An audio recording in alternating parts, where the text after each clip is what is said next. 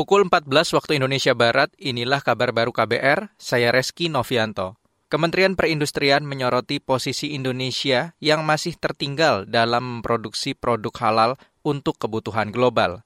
Menteri Perindustrian Agus Gumiwang Kartasasmita mengungkapkan, kini banyak negara maju yang bukan mayoritas muslim lebih mampu membuat produk halal. Kualitas produknya pun lebih baik, bahkan diproduksi dengan jumlah yang lebih banyak ketahui dan disadari bahwa potensi produk-produk halal untuk pasar global sangat besar dan kalau tidak salah Indonesia walaupun memiliki penduduk memeluk agama Islam terbesar tapi dalam hal atau konteks produk memproduksi produk-produk halal itu masih sedikit ketinggalan dari beberapa negara lain. Negara-negara lain yang memproduksi produk-produk halal pasti melihat Indonesia sebagai pasar yang besar dan oleh sebab itu mereka akan terus melihat celah-celah bagaimana mereka bisa masuk produk-produk halalnya ke Indonesia. Ini yang harus menjadi catatan.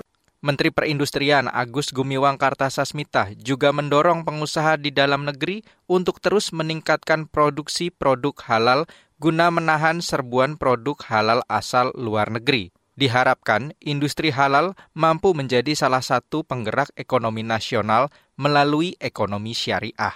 Kita ke informasi lain. Pemerintah mengingatkan mayoritas sungai di seluruh Indonesia banyak yang tercemar sehingga mengancam kualitas sumber air minum masyarakat. Memperingati Hari Sungai Nasional, staf ahli menteri bidang hubungan antar lembaga di Kementerian PUPR, Asep Arofah Permana, mengajak seluruh pihak melestarikan sungai demi meningkatkan kualitas sumber daya air. Sungai mengambil peran yang sangat penting.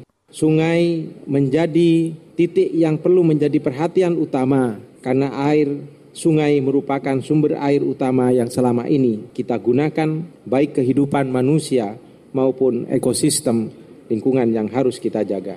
Sungai menjadi penghubung daratan dengan laut sehingga kebersihan dan kelestarian sungai bertambah langsung juga pada kualitas air dan ekosistem laut. Staf ahli Menteri Bidang Hubungan Antar Lembaga di Kementerian PUPR, Asep Arofah Permana menambahkan, Peringatan Hari Sungai Nasional antara lain diisi dengan kegiatan susur dan bersih-bersih sungai. Kegiatan ini juga dilakukan di 37 ruas wilayah sungai sepanjang lebih dari 60 km. Kegiatan susur dan bersih-bersih sungai juga diselenggarakan untuk menyongsong pelaksanaan Forum Air Dunia di Bali Mei tahun depan.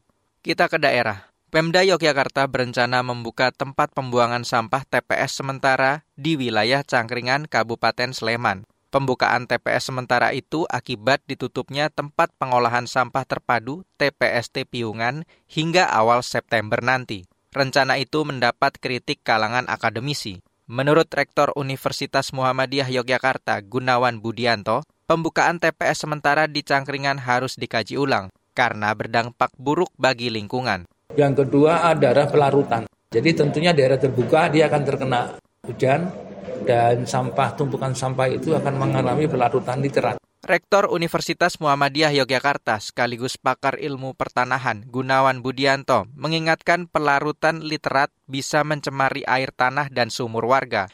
Menanggapi itu, Asisten Setda Yogyakarta Tri Saktiana menjelaskan, rencana pembukaan tempat pembuangan sampah sementara di Cangkringan Sleman hanya sebatas opsi menitipkan sampah. Demikian kabar baru KBR, saya Reski Novianto.